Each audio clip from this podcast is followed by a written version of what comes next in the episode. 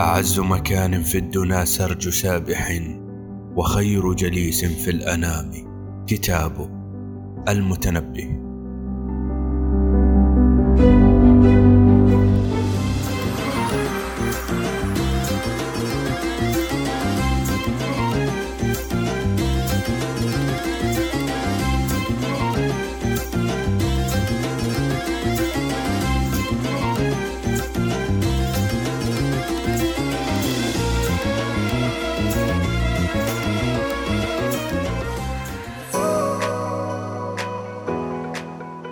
أهلا وسهلا بكم أعزائي المستمعين في بودكاست مما قرأت.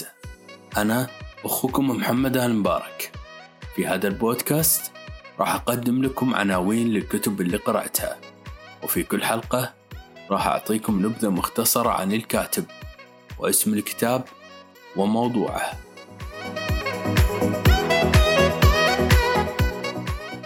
هذا البودكاست غير مخصص للنقد وإبداء الرأي في الكتب.